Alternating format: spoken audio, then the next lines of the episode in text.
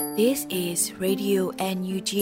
the voice of National Unity Government of Myanmar, broadcasting for Myanmar's Spring Revolution. Radio NUG is transmitting from shortwave 16 meter 17.79 megahertz at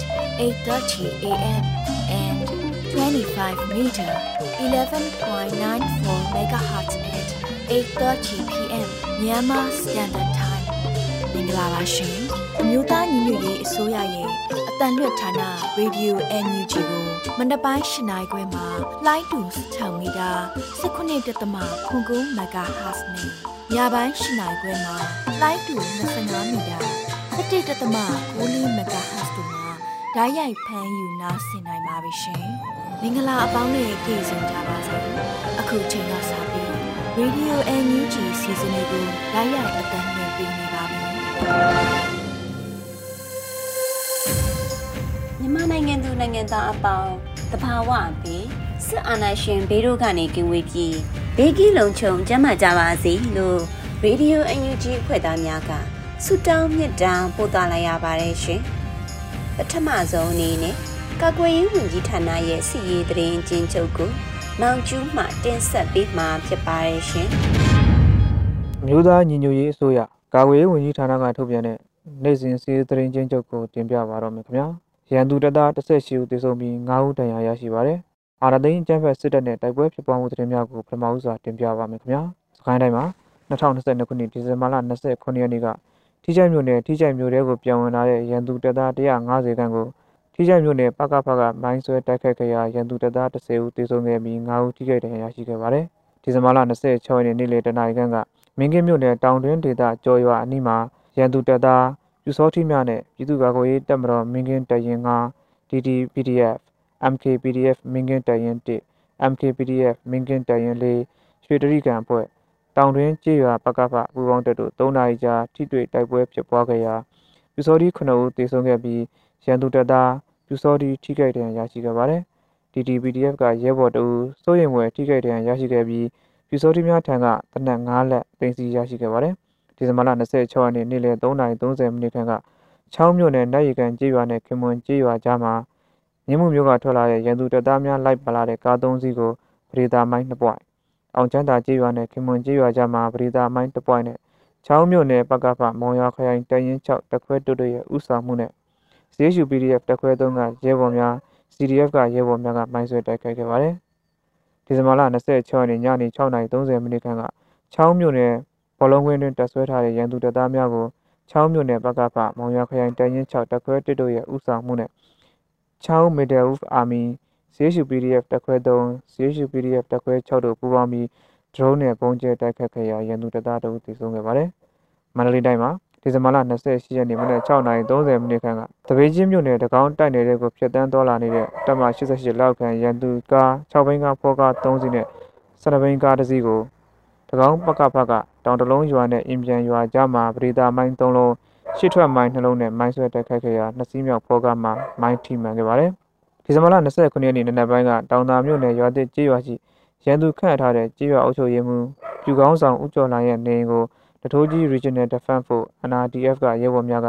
အရက်ဝတ်များနဲ့ဝင်ရောက်စီးနင်းခဲ့ရာတူမီလက်လုံတဲ့နဲ့ပိန်းစီရရှိခဲ့ပါတယ်။ပဲခူးတိုင်းမှာဒီဇင်ဘာလ29ရက်နေ့မနက်10:30မိနစ်ခန့်ကတာယာဝတီမြို့နယ်30မြို့ဖိုးခေါင်လမ်းမှာစင်စင်73စီအယောင်းဆိုင်အနီးမှာ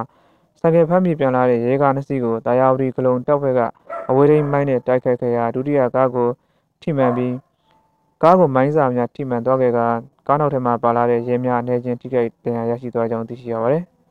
အာနာသိန်းကျန်းဖက်စစ်တပ်ကကျူးလွန်တဲ့ရာဇဝတ်များအကြောင်းကိုဆက်လက်တင်ပြပါမယ်ခင်ဗျာ။ရမ်းပြည်နယ်မှာဒီဇင်ဘာလ29ရက်နေ့ကညောင်ရှိမြို့နယ်ရွှေအင်းတင်ရွာရှိစစ်ပေးဆောင်များကိုကူညီနေတဲ့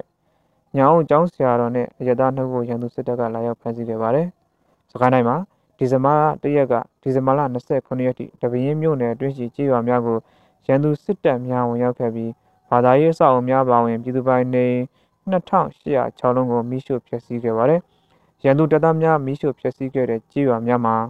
1ပျော်ဝဲရွာပြည်သူပိုင်နေ23လုံး2မဲအိုးရွာပြည်သူပိုင်နေ84လုံး3ညောင်ကြီးကုန်းရွာပြည်သူပိုင်နေ65လုံးနဲ့ညောင်ကြီးကုန်းဘုန်းကြီးကျောင်း4လက်ရကုန်းရွာပြည်သူပိုင်နေ186လုံး5မူကရင်ရွာပြည်သူပိုင်နေ163လုံး6ညောင်လာရွာပြည်သူပိုင်နေ203လုံးနဲ့ကံဦးဘုံကြီးကျောင်းခွန်ကံကုန်းရွာပြည်သူပိုင်နေ14လုံး8ဝဲကြီးရွာပြည်သူပိုင်နေ85လုံး 9တပြေသာရွာပြည်သူပိုင်နေ25လုံး10ရုံးသာရွာပြည်သူပိုင်နေ31လုံး11နမြားရွာပြည်သူပိုင်နေ318လုံး12ရင်ကြီးရွာပြည်သူပိုင်နေ16လုံးနဲ့ရင်ကြီးရွာဘုံကြီးကျောင်းတောကျောင်း13မိုးရိုးကုန်းရွာပြည်သူပိုင်နေ88လုံးနဲ့ရန်ကုန်ကြီးဘုံကြီးကျောင်း14ဗန်ပွေးရွာပြည်သူပိုင်နေ20လုံး15အင်ပင်ရွာပြည်သူပိုင်နေ250လုံး 16ကုန်းတဲရွာပြည်သူပိုင်နေ85လုံး19ကုန်းကြီးရွာပြည်သူပိုင်နေ13လုံး18ပေါက်ရင်းရွာပြည်သူပိုင်နေ10လုံး19ချောင်းပေါက်ရွာပြည်သူပိုင်နေ32လုံး20အေးသာယာပြန်ကြကြေးရွာပြည်သူပိုင်နေ400လုံးနဲ့ဘုံကြီးကျောင်း21ကြည်ကြေးရွာပြည်သူပိုင်နေ300လုံးနဲ့22ဖျားရွက်ကြေးရွာပြည်သူပိုင်နေ400လုံးတို့ဖြစ်ကြပါတယ်။ ဒီဇင်ဘာလ10ရက်မှ18ရက်ထိရေဦးမြို့နယ်ကြေးရွာပေါင်း18ရွာကိုခမရ364နဲ့ခလာရ901တို့ကရန်သူစစ်တပ်များဝင်ရောက်ခဲ့ပြီးမိရှုဖျက်ဆီးခဲ့ရာအင်ဂျီ1630လုံးဆုံးရှုံးခဲ့ရပါတယ်။မိရှုဖျက်ဆီးခံခဲ့ရတဲ့ကြေးရွာများမှာ1ပိတကက်ကြရွာပြည်သူပိုင်နေ18လုံး2ပေါက်သားရွာပြည်သူပိုင်နေ90လုံး3စိန်စွန်းရွာအရှိပြည်သူပိုင်နေ34လုံး စိန်စွန်းရွာအနောက်ပြည်သူပိုင်နေ35လုံး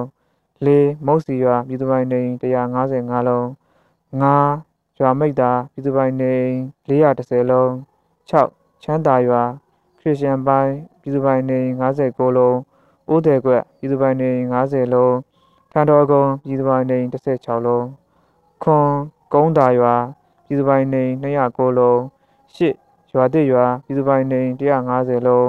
9 ထမ်းမင်ကုန်းရွာပြည်သူပိုင်နေ30လုံး10ဇဝရွာပြည်သူပိုင်နေ68လုံး11ဝတ်ဖိုးရွာပြည်သူပိုင်နေ38လုံး12တောင်ကုန်းရွာပြည်သူပိုင်နေ50လုံး13ချောင်းစုံရွာပြည်သူပိုင်နေ29လုံး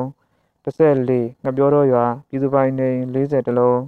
15ကုန်းအောင်ရွာပြည်သူပိုင်နေ35လုံး16အကြီးကုန်းရွာပြည်သူပိုင်နေ85လုံးနဲ့ 19ညောင်မင်းသားရွာပြည်သူပိုင်နေ38လုံးတို့ဖြစ်ကြပါတယ်။ယခုတင်ပြခဲ့တဲ့နေ့စဉ်စီးသတင်းချင်းချုပ်ကိုမြေပြင်သတင်းတာဝန်ခံများနဲ့သတင်းဌာနများကဖော်ပြထားတဲ့ချက်လက်များပေါ်အခြေခံပြုစုထားတာဖြစ်ပါတယ်။ကျွန်တော်မောင်ကျူးပါ။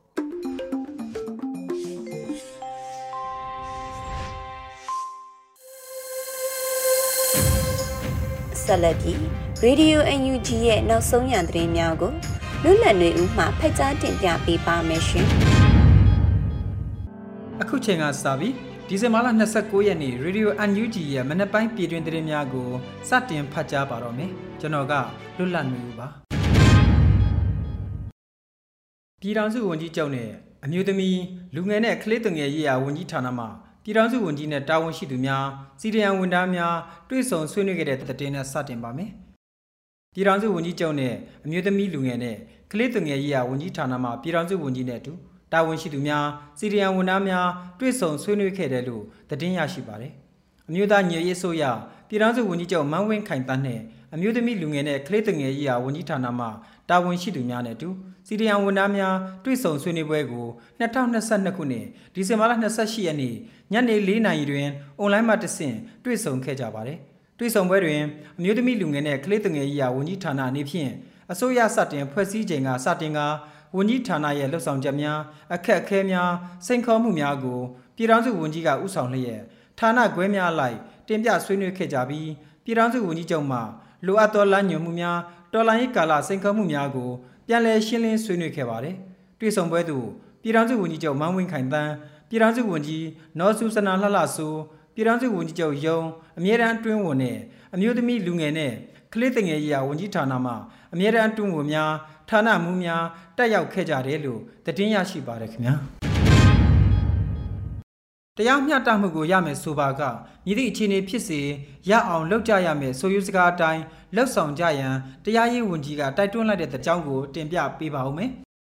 တရားမျှတမှုကိုရမယ်ဆိုပါကမိသည့်အခြေအနေဖြစ်ပါစေရအောင်လုပ်ကြရမယ်ဆိုရိုးစကားအတိုင်းလှုပ်ဆောင်ကြရန်တရားရေးဝန်ကြီးဦးသိန်းဦးကတိုက်တွန်းပြောဆိုလိုက်ပါတယ် ဒီဇင်ဘာလအတွင်းမြို့နယ်ဥပဒေတာဝန်ခံများအတွက်လုပ်ငန်းခွင်တင်ဒဏ်အမှတ်စဉ်1ဖွင့်လှစ်တင်ကြားတဲ့အခမ်းအနားမှာတရားရေးဝန်ကြီးကအခုလိုဆိုလိုက်တာပါ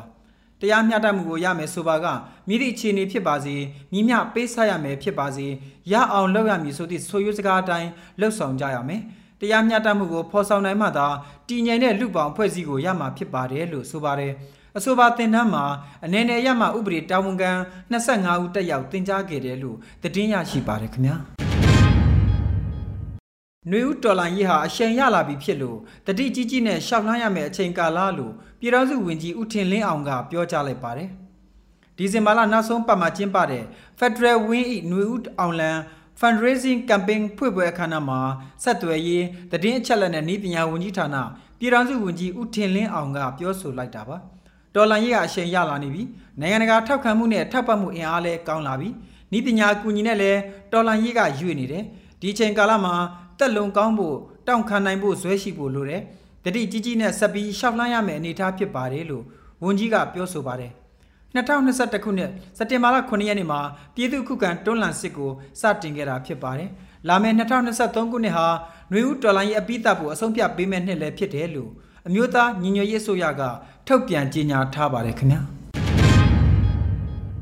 ဂျာကာလနဲ့တော်လိုင်းကာလအလွန်ဇီဝမျိုးစုံမျိုးကွဲထိမ့်သိမ်းရေးဆွေးနွေးပွဲတရက်ကိုဒီဇင်ဘာလ30ရက်နေ့မှာကျင်းပမယ်လို့သတင်းရရှိပါတယ်။အမျိုးသားညွေရေးဆိုရတယံဇာတနဲ့တဘာဝပတ်ဝန်းကျင်ထိမ့်သိမ်းရေးဝန်ကြီးဌာနရဲ့လစဉ်ဆွေးနွေးပွဲတစ်ရပ်ကိုဂျာကာလနဲ့တော်လိုင်းရေးကာလလွန်ဇီဝမျိုးစုံမျိုးကွဲထိမ့်သိမ်းရေးခေါင်းစဉ်နဲ့2022ခုနှစ်ဒီဇင်ဘာလ30ရက်နေ့တောက်ကြနေ့မြန်မာစံတော်ချိန်ည9:00နာရီမှာကျင်းပသွားမှာဖြစ်ပါတယ်။ ဆွေးနွေးပွဲတွင်ဇီဝမျိုးစုံမျိုးကွဲထိမ့်သိမ်းရေးလုပ်ငန်းစဉ်များအကြောင်းဂျာကာလနဲ့နွေဦးဒေါ်လာရေးကာလအလွန်ဇီဝမျိုးစုံမျိုးကွဲထိမ့်သိမ်းရေးအကြောင်းများကိုအမျိုးသားညွေရေးအစိုးရတယံဇာတနဲ့တဘာဝပတ်ဝန်းကျင်ထိန်းသိမ်းရေးဝန်ကြီးဌာနဒုတိယဝန်ကြီးခွန်ဘီထူးနဲ့ဂျာကာလာချင်းမျိုးသားအတိုင်းပင်ခံကောင်စီမှဆရာဦးမှန်ဟင်ဒါတို့မှဆွေးနွေးပြောကြားသွားမှာဖြစ်ပါတယ်။ဆွေးနွေးပွဲကိုတယံဇာတနဲ့တဘာဝပတ်ဝန်းကျင်ထိန်းသိမ်းရေးဝန်ကြီးဌာန Ministry of Natural Resource and Environmental Conservation NUG Public Voice Television Radio NUG နဲ့ MONREC ဒုတိယဝန်ကြီးခွန်ဘီထူးတို့ရဲ့ Facebook စာမျက်နှာပေါ်မှာဓာတ်ရိုက်ထုတ်လွှင့်သွားမှာဖြစ်ပါတယ်ခင်ဗျာ။ညောင်မြို့နယ်မိဘလုံခြုံရေးအဖွဲ့ကိုအန်ယူဂျီပြည်ထောင်ဝန်ကြီးအမိန့်နဲ့ဖွဲ့စည်းလိုက်တဲ့အကြောင်းကိုတင်ပြပေးပါဦးမယ်။စကိုင်းတိုင်းညောင်မြို့နယ် မိဘလုံခြုံရေးအဖွဲ့ကိုအန်ယူဂျီပြည်ထောင်ဝန်ကြီးဦးလွင်ကိုလအမိန့်နဲ့ဖွဲ့စည်းလိုက်တာဖြစ်ပါတယ်။အဆိုပါဖွဲ့စည်းမှုကိုဒီဇင်ဘာလ28ရက်နေ့မှာအမိန့်ကြီးညာစာမှတ်30မြင်းဆောင်2022နဲ့ထုတ်ပြန်ဖွဲ့စည်းခဲ့ပါတယ်။အမျိုးသားညွေရေးဆိုရပြည်ထရေးနဲ့လူဝမှုကြီးကြပ်ရေးရာဝန်ကြီးဌာနမိသက်ဦးစီးဌာနမှစကိုင်းတိုင်းဒေသကြီးစကိုင်းခရိုင်မြောင်မြို့နယ်အတွင်းအကြမ်းဖက်စစ်ကောင်စီမိရှို့ဖျက်ဆီးမှုများကိုကာကွယ်နိုင်ရန်မိငိမ့်တပ်ရေးနဲ့ရှာဖွေကယ်ဆယ်ရေးလုပ်ငန်းများကိုဆောင်ရွက်နိုင်ရန်အတွက် မြောင်မြို့နယ်မိဘလုံခြုံရေးအဖွဲ့အားဖွဲ့စည်းလိုက်တယ်လို့သတင်းမှာဖော်ပြပါတယ်။စကိုင်းတိုင်းတွင်မှာအကြမ်းဖက်စစ်ကောင်စီတပ်များဟာနေ့စဉ်ရက်ဆက်ရွာများကိုမိရှို့ဖျက်ဆီးလျက်ရှိပါတယ်ခင်ဗျာ။။နှွေဦးအောင်လန်ကမ်ပိန်းကို Visa Master ကတ်များနဲ့လည်းထောက်ပံ့လှူဒန်းနိုင်တယ်လို့သတင်းရရှိပါတယ်။ဒီဇင်ဘာလနောက်ဆုံးပတ်မှာနှွေဦးအောင်လန်ကမ်ပိန်းကအဆိုပါသတင်းကိုအသိပေးဖော်ပြထားပါတယ်။ကမ္ဘာအနှံ့ပြားကမိဘပြည်သူများပါဝင်လှူဒန်းနိုင်ဖို့အတွက် Visa Card Master ကတ်များနဲ့လှူဒန်းနိုင်ပြီဖြစ်ကြောင်းအသိပေးအပ်ပါတယ်လို့ဖော်ပြထားပါတယ်။ကမ်ပိန်းရဲ့အထူးစီစဉ်အနေနဲ့ဒေါ်လာဘိုးကို point တစ်ခုအဖြစ်သတ်မှတ်ပြီးအမေရိကန်ဒေါ်လာ90ဘိုး point 90နဲ့အထက်ဝယ်ယူလူဒန်းသူတိုင်းကိုကန်ဆာမဲတစ်စောင်ပေးသွားမှာလည်းဖြစ်ပါတယ်။ကန်ဆာမဲရဲ့အထူးစုအနေနဲ့အမေစုနိုဘယ်စုကိုယ်တိုင်သွားယူခဲ့တဲ့ဥရောပခရီးစဉ်မှာတောက်လျှောက်စီးခဲ့တဲ့ Lady Shoe လေးကိုຫນွေဦးအောင်လန်ကမ်ပိန်းရဲ့သတ်မှတ်ထားတဲ့ရက်တရက်မှာမဲဖောက်ရွေးချယ်ပေးမှာဖြစ်ပါတယ်။ကန်ဆာမဲအစီအစဉ်ကတော့ ပထမစု35သိန်းတန်ခရမ်းဆွဲလေဆွဲဒုတိယစု30ခန့်တန်တကြက်သားရွှေဆွဲကြိုးတတိယစုကတော့15သိန်းတန်မြလော့ကက်စတုထဆုကတော့17သိန်းတန်ခရမ်းဆွဲလက်စွပ်အစရှိတဲ့ရတနာပစ္စည်းမျိုးစုံကိုမဲဖောက်ပေးသွားမှာဖြစ်ပါတယ်။မြေပြင်တပ်ဖွဲ့တွေကိုလက်တွေ့ကြတဲ့ထိရောက်တဲ့နီးပြွာမြောက်တဲ့ drone ကူညီတွေပေးနိုင်ဖို့အတွက်နွေဦးအောင်လန်ကမ်ပိန်းဟာစတင်နေပြီလဲဖြစ်ပါတယ်ခင်ဗျာ။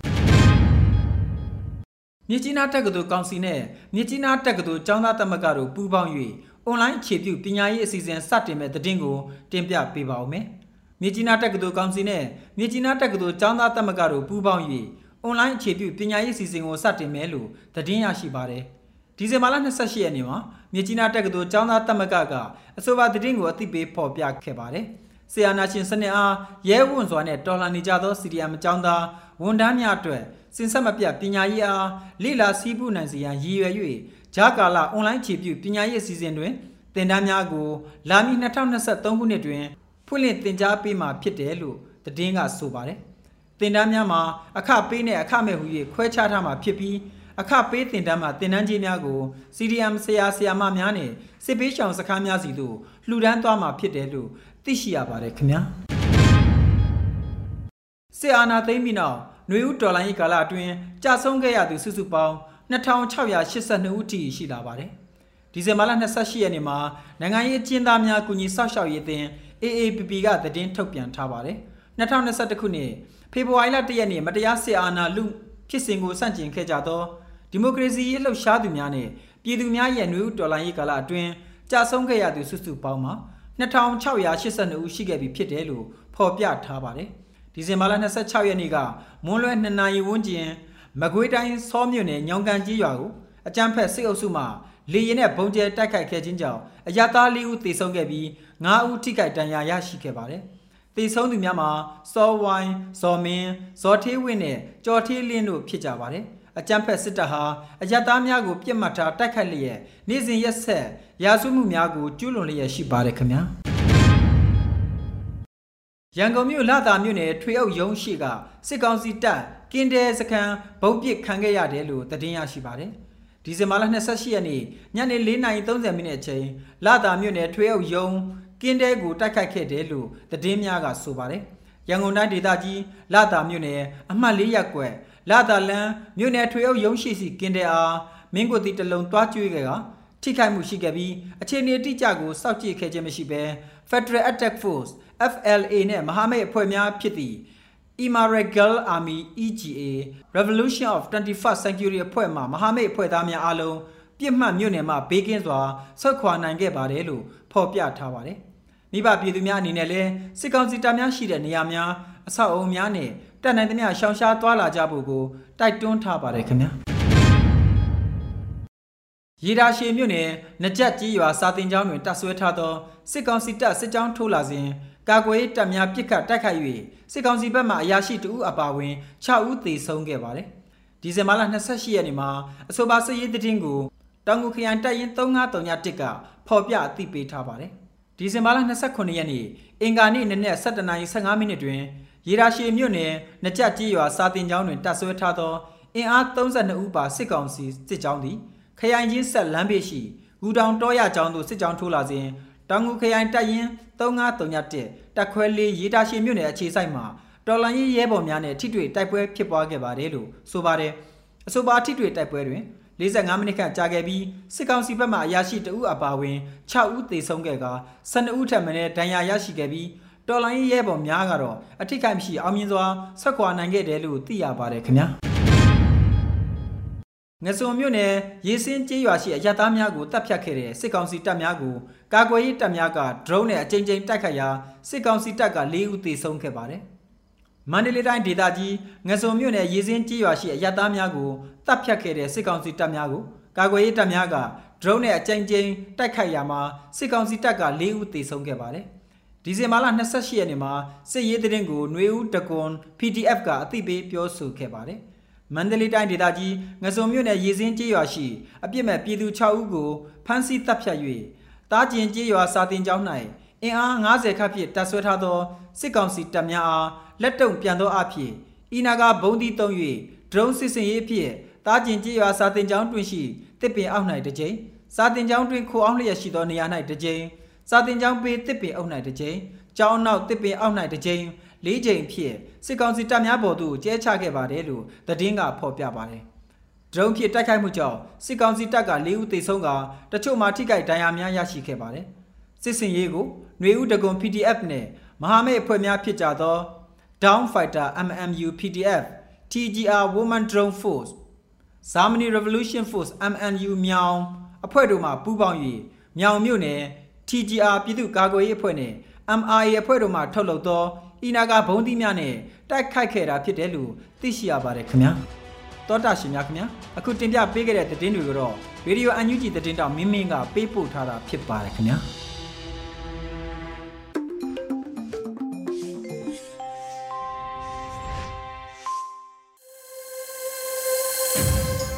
ဆက်လက်ပြီးပြည်သူ့ခုခံတော်လှန်စစ်တရင်များကိုຫນွေဦးလိပ်ပြမှတင်ဆက်ပေးမှာဖြစ်ပါတယ်ရှင် ပထမဦးစွာချင်းတွင်းမြင့်အတွင်းစစ်တပ်ရရင်တစည်းကိုပြစ်ခတ်တိုက်ခိုက်တဲ့သတင်းတင်ဆက်ပါမယ်။ချင်းတွင်းမြင့်အတွင်းဖြတ်တန်းမောင်းနှင်နေသည့်အချမ်းဖက်စစ်တပ်ရရင်တစည်းကိုဒေသခံကာကွယ်ရေးတပ်ဖွဲ့များပြစ်ခတ်တိုက်ခိုက်ခဲ့ကြောင်းစလင်းကြီး GZ People's Defense Force အဖွဲ့ကဆိုပါတယ်။ဒီဇင်ဘာလ26ရက်နေ့မွန်းလွဲ3:30မိနစ်တွင်မုံရွာအလုံးချင်းတွင်သရာထိတ် မင်းတောင်စိတ်ကမ်းမှဆုံဆင်းလာသောအကြမ်းဖက်စစ်တပ်ရေရင်တစည်းကို မဟာမိတ်ညီနောင်များမှပစ်ခတ်တိုက်ခိုက်ခဲ့ကြောင်းအထီးခိုက်ကိုမသိရသေးကြောင်းမဟာမိတ်ညီနောင်များဘက်ကထိခိုက်မှုမရှိခဲ့ပါကြောင်းသိရှိရပါတယ်။ဆက်လက်တင်ဆက်မှာကမြိုင်မြို့နယ်ကြောက်ခွက်ရေနံမြေ Well 2အကြမ်းဖက်စစ်တပ်စခန်းကိုလက်နက်ကြီးများဖြင့်ပစ်ခတ်တိုက်ခိုက်တဲ့တဲ့တင်မှာ ဒီဇင်ဘာလ24ရက်နေ့ညနေ4နာရီခန့်တွင်မြိုင်မြို့နယ်အနောက်ပိုင်းကျောက်ခွက်ရေနံမြေ Well 2အတွင်းရှိအကြံဖက်စစ်တပ်စခန်းကိုလက်နက်ကြီး9လုံး120မမ17လုံးပစ်ခတ်တိုက်ခိုက်ခဲ့ပြီးစစ်သား2ဦးသေဆုံးကအများအပြားထိခိုက်ဒဏ်ရာရရှိခဲ့ကြောင်းဒေသကာကွယ်ရေးတပ်ဖွဲ့တွေကဆိုပါတယ်။တိုက်ပွဲမှာဒေသကာကွယ်ရေးတပ်တွေအထိခိုက်မရှိဆုတ်ခွာနိုင်ခဲ့တယ်လို့ဆိုပါတယ်ရှင်။ လက်ရှိအချိန်မြိုင်နယ်တကြောနဲ့စာလင်ကြီးမြို့တွေမှာစစ်ရေးအခြေအနေဆက်လက်တင်မာနေပါတယ်။တပိတ်ချင်းတွင်လှည့်ကင်းစစ်ကြောင်းကိုမိုင်းဆွဲတိုက်ခိုက်တဲ့တဲ့ရင်ဆက်လက်တင်ဆက်ပါမယ်။မန္တလေးတိုင်းတပိတ်ချင်းမြို့နယ်တောင်တလုံးရွာနှင့်အင်ပြန်ရွာကြားတွင်ယနေ့ဒီဇင်ဘာလ28ရက်နေ့နက်6နာရီခန့်ကအကြမ်းဖက်စစ်ကောင်စီကားလေးစီကိုမိုင်းဆွဲတိုက်ခိုက်ခဲ့ကြောင်းသိရှိရပါတယ်။ ထီချိုင်မြို့နယ်အတွင်းရှိကျေးရွာများကိုမိရှို့ပြီးတကောင်းမြို့ဘက်သို့ပြန်ဆင်းလာသောအကြံဖက်စစ်ကောင်စီတပ်မ88လက်အောက်ခံတပ်သားညာလိုက်ပါလာသည့်ဖောကာ6ဘိန်းကား3စီးနှင့်12ဘိန်းတွဲကား1စီးစုစုပေါင်း4စီးကိုပဒေသာမိုင်း3လုံးရှစ်ထွက်မိုင်း2လုံးဖြင့်ဖောက်ခွဲတိုက်ခိုက်ခဲ့ခြင်းမှာအဆိုပါမိုင်းဆွဲတိုက်ခိုက်မှုကြောင့်စည်ရင်နှန်းဤနှစ်စီးမြောက်ကားကိုထိမှန်ခဲ့ကြောင်း၎င်းကားမှာဘေးဘော်ဒီတွင် တန်အထူပြားများကထားသဖြင့်အကြမ်းဖက်စစ်သားများထိခိုက်ဒဏ်ရာရရှိမှုသာရှိနိုင်ကြောင်းထိခိုက်သေးဆုံးမှုအရေးအတွက်ကိုဆက်လက်စုံစမ်းနေဆဲဖြစ်ကြောင်းပြည်သူ့ကာကွယ်ရေးရဲဘော်များအထိခိုက်မရှိပြန်လည်ဆုတ်ခွာနိုင်ခဲ့ကြောင်းဒေသခံတပ်တွေကဆိုပါတယ်နောက်ဆုံးအနေနဲ့ကိုကန့်တိုက်ပွဲများတွင်စစ်တပ်အထီနာနေပြီးလေရင်ဖြစ်ဘုံကျဲမှုကြောင့် MNDAA တပ်ဖွဲ့ဝင်တအူးကြဆုံးတဲ့တဲ့တင်ဆက်ပါမယ်။ မြန်မာမျိုးသားဒီမိုကရက်တစ်မဟာမိတ်တမတော်ကိုကန့် MNDAA ထိန်းချုပ်နယ်မြေအတွင်းတိုက်ပွဲများဖြစ်ပြီးစစ်ကောင်စီတပ်အထိနာခဲ့တာကြောင့်စစ်တပ်ကတိုက်လင်းရင်အုံပြူကဘုံကျဲတိုက်ခိုက်မှုများလှုပ်ဆောင်နေကြောင်းတကုတ်ကန်သတင်းဌာနမှဖော်ပြပါရယ်ဒီဇင်ဘာလ22ရက်နှင့်23ရက်တိုက်ပွဲများတွင်အကြမ်းဖက်စစ်သား20ကျော်တိုက်ခိုက်ခဲ့ကြောင်းနမ်ဖာတောင် တိုက်ပွဲပြီးနောက်လောက်ကိုင်းစစ်စေးရုံတွင်စစ်တပ်ဖက်မှဒဏ်ရာရသူအများအပြားစိတ်ကူနေကြောင်းသိရှိရပါသည်။ ဒီဇင်ဘာလ26ရက်နနက်တနာရီကျော်အချိန်ကိုကန် MNDAA တပ်စခန်းကိုစစ်ကောင်စီက SU-30 တိုက်လေရင်ဖြင့်ဘုံဒီဆယ်လုံးနှစ်ကြိမ်တိုင်တိုင်လာရောက်ဘုံကျဲခဲ့ကြောင်းဘုံကျဲတိုက်ခိုက်မှုကြောင့် MNDAA တပ်ဖွဲ့ဝင်တအူးသေဆုံးခဲ့ရပြီး9ဦးထိခိုက်ဒဏ်ရာရရှိခဲ့ကြောင်းကိုကိုကန်သတင်းဌာန The Kokan ကဖော်ပြပါရရှင်။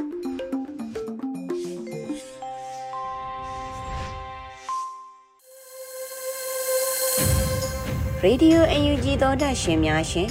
PVTV ရဲ့နေ့စဉ်သတင်းများကိုထထအင်ဒရာအောင်မှဖက်ချန်းတင်ပြပေးထားပါတယ်ရှင်ပထမဆုံးတင်ဆက်ပေးမှာကတော့ one day challenge လှုပ်ရှားမှုအဖြစ်နဲ့ PDF အဖွဲ့28ဖွဲ့ကိုတပ်ဖွဲ့15သိန်းနဲ့စုစုပေါင်းကျပ်405သိန်းထောက်ပံ့မှုပြုလုပ်ခဲ့တဲ့တဲ့တင်မှာ one day challenge လှုပ်ရှားမှုအဖြစ်နဲ့ဆရာနာသိမ်းမှုစန့်ကျင်ရေးကော်မတီကိုရီးယားက PDF အဖွဲ့28ဖွဲ့ကိုတပ်ဖွဲ့15သိန်းနဲ့စုစုပေါင်းကျပ်405သိန်းကိုဒီဇင်ဘာလအတွက်ထောက်ပံ့မှုဖြင့်ပေးပို့မှုတွေပြုလုပ်ခဲ့တယ်လို့ဒီကနေ့မှသတင်းထုတ်ပြန်ခဲ့ပါတယ်။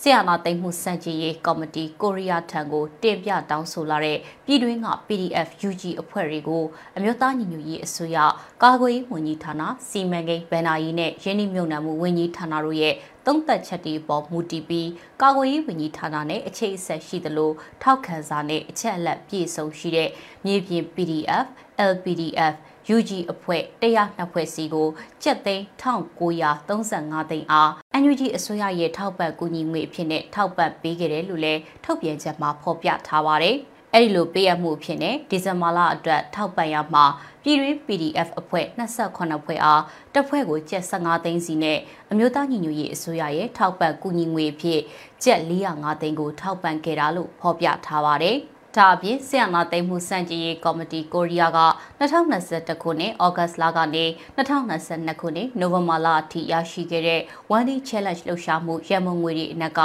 လစဉ်ဒေါ်လာတသိန်းနဲ့ညီမျှတဲ့ဝန်ငွေအားအမျိုးသားညီညွတ်ရေးအစိုးရ NUG ထံပေးပို့လာခဲ့ရာ2022ခုနှစ်နိုဝင်ဘာလ24ရက်နေ့အထိစုစုပေါင်းဒေါ်လာ12သိန်းအားပေးပို့ခဲ့ပြီးဖြစ်ပါတယ်။အမျိုးသားညီညွတ်ရေးအစိုးရက One Day Challenge ထောက်ပံ့ငွေတွေအား အမျိုးသားညီညွတ်ရေးအစိုးရရဲ့ဒေသန္တရအုပ်ချုပ်ရေးအကောင့်ထဲပေါ်ဆောင်ရွက်ရေးနဲ့နယ်မြေစုမှုရေးကိစ္စရပ်တွေအတွက်သုံးစွဲနေတာပါ။ One Day Challenge မန်ပါဝင်တွေရဲ့လစဉ်ထည့်ဝင်ငွေတွေကိုအမျိုးသားညီညွတ်ရေးအစိုးရကအခွန်ငွေဖြစ်သတ်မှတ်က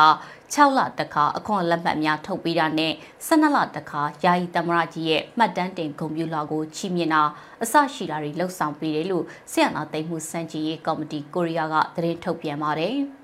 အခုတခါတင်ဆက်ပေးမှာကတော့နိုင်ငံရေးအကျဉ်းသားတွေကအမှုရင်ဆိုင်နေချိန်မှာတရားသူကြီးကိုရုပ်သိမ်းရုပ်လက်ဆောင်ပေးပြီးအကြမ်းဖက်စစ်ကောင်စီလက်ထက်တရားရေးကိုဆန္ဒပြတဲ့သတင်းမှာရန်ကုန်မြို့အင်းစိန်အကျဉ်းထောင်ရဲ့တည်တံ့တရားရုံးမှာပြုလုပ်တဲ့တရက်ခွင်မှာအမိန့်ချမှတ်ပြီးနိုင်ငံရေးအကျဉ်းသားတွေကတရားသူကြီးကိုရုပ်သိမ်းရုပ်လက်ဆောင်ပေးခဲ့ကအကြမ်းဖက်စစ်ကောင်စီလက်ထက်တရားရေးကိုဆန္ဒပြခဲ့ကြပါတယ်။နိုင်ငံရေးအကျဉ်းသားတချို့ကတရားသူကြီးရဲ့မတရားတဲ့အမိန့်ချမှုအပြီးမှာ ရှင့်နေကုတ်အင်ကြီးပူရဲချုပ်ထားတဲ့ရုပ်သေးရုပ်တရုပ်ကိုလက်ဆောင်ပေးပြီးတော့ဥပဒေအထက်တွင်မြည်သူမှမရှိစေရသို့တော့စစ်ဖက်နဲ့တရံတော့ရှိသည်ဆိုတဲ့စာကိုပါရေးသားပြီးတော့ပေးခဲ့တာပါဒါဟာအကြမ်းဖက်စစ်ကောင်စီလက်အောက်မှာတရားစီရင်ရေးကိုရုပ်သေးရုပ်လိုမျိုးကျိုးဆွဲရာကနေရတဲ့အပေါ်မိမောက်ထိုးပြတဲ့အနေနဲ့ဆန္ဒပြတည်ယူဖော်ခဲ့တာပါ။ ဒီဇင်ဘာလ26ရက်အင်းစိန်ထောင်တွင်တီးတန့်တရားရုံးမှာအခုလိုမျိုးပြုလုပ်ခဲ့တာလို့လဲနိုင်ငံရေးအကျဉ်းသားတည်င်းရင်းမြစ်တွေကိုကိုးကားပြီးတော့သတင်းဌာနတွေကဖော်ပြခဲ့ပါတယ်။နိုင်ငံရေးအကျဉ်းသားအမျိုးသား9ဦးနဲ့အမျိုးသမီး2ဦးကိုအမိန့်ချမှတ်ခံရအပြီးချိန်မှာအခုလိုမျိုးတရားသူကြီးကိုလက်ဆောင်ပေးခဲ့တာကိုပြုလုပ်ခဲ့တာဖြစ်ပြီးအခုလိုပေးရတဲ့သူတွေကအကြမ်းဖက်တိုက်ဖြတ်ရေးဥပဒေပုံမှားတွေလက်နက်မှုတွေနဲ့မတရားဆွဲချက်တင်ဖမ်းဆီးခံရသူတွေဖြစ်တယ်လို့လည်းသိရပါဗျ။ အဖွဲ့ခေါင်းဆောင်နိုင်ငံရေးအကျဉ်းသားကိုဒီဇင်ဘာလ26ရက်မှာအမှုခုနှစ်မှုအတွက်မတရားတဲ့ထောင်ဒဏ်နှစ်30ချမှတ်ခဲ့တာဖြစ်တယ်လို့ကြံတဲ့သူတွေကိုလည်းမတရားတဲ့ထောင်ဒဏ်9နှစ်စီချမှတ်ထားတယ်လို့နောက်ထပ်အမှုတွေလည်းဆက်လက်ရင်ဆိုင်နေရသူတွေဖြစ်ပါတယ်အခုနောက်ဆုံးအနေနဲ့မြန်မာနိုင်ငံတဝန်ကလူမျိုးပေါင်းစုံဘာသာပေါင်းစုံပါဝင်တဲ့ဆီယနာရှင်အမြင့်ပြည့်ချေမုံရေးလူလူဆန္ဒပြပွဲသတင်းတွေကိုစုစည်းတင်ဆက်ပြီးတော့မှာပါ။ ရဲမပင်မြို့နယ်မြောက်ချမ်းစစ်အာဏာရှင်စက်ကြီးတပိတ်အင်အားစုကဒီကနေ့မှာအကြမ်းဖက်စစ်တပ်ကြာရှုံးရေးဖြစ်အာယုံဦးတပိတ်ကိုပြုလုပ်ခဲ့ပါတယ်။ဆန္ဒပြတော်လှန်ပြည်သူတွေကစစ်ခွေးညီကုန်း2023အာယုံမလွဲစီနဲ့စိတ်ဝမ်းမကွဲစီနဲ့တတန်နဲ့ညီတချီတဲ့ယုံကြဆိုတဲ့စာသားကိုကင်ပြီးတော့ဆန္ဒပြလှည့်လည်ခဲ့တာပါ။ရင်းမပင်အရှိချမ်းမှာတော်လန်ပြည်သူတွေရဲ့ကက်တီရှင်မရှာဒိုဂျီရွာတပိတ်ကအကြမ်းဖက်စစ်တပ်ကြာရှုံးရေးအဖြစ်ညနေစီစာတပိတ်ပြုလုပ်ခဲ့ပါတယ်။ တော်လန်ပြည်သူတွေကကက်တင်ရှင်မရှာဒိုကြီးရွာဆိုတဲ့စာသားကိုကိုက်ဆွဲပြီးတော့ဆန္ဒပြချီတက်ခဲ့တာပါရင်းမဲမဲမြို့နယ်မြောက်ချမ်းကြီးရွာရဲ့လူလူတပိတ်ကအကြမ်းဖက်စစ်တပ်ကြာရှုံးရေးဆန္ဒပြတပိတ်ဒီကနေ့မှပြုလုပ်ခဲ့ပါတယ်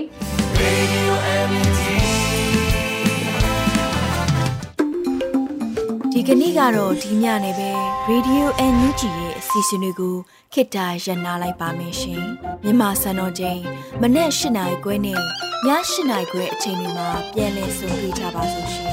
Radio NUG ကိုမနေ့ပိုင်း၈နိုင်ခွဲမှာလိုင်းတူ16မီတာ19တက်တမခုကူမဂါဟတ်နဲ့ညပိုင်း၈နိုင်ခွဲမှာလိုင်းတူ25မီတာ17တက်တမ9မဂါဟတ်တို့မှာဓာတ်ရိုက်ဖမ်းယူနားဆင်နိုင်ပါပြီရှင် မြန်မာနိုင်ငံသူနိုင်ငံသားများကိုစိတ်နှဖျားစမ်းမချမ်းသာလို့ဘေးကင်းလုံခြုံကြပါစေလို့ Radio NUG ရဲ့ဖွဲ့သူဖွဲ့သားများကဆုတောင်းလိုက်ရပါတယ်။ San Francisco Bay Area အခြေဆိုင်မြန်မာမိသားစုများ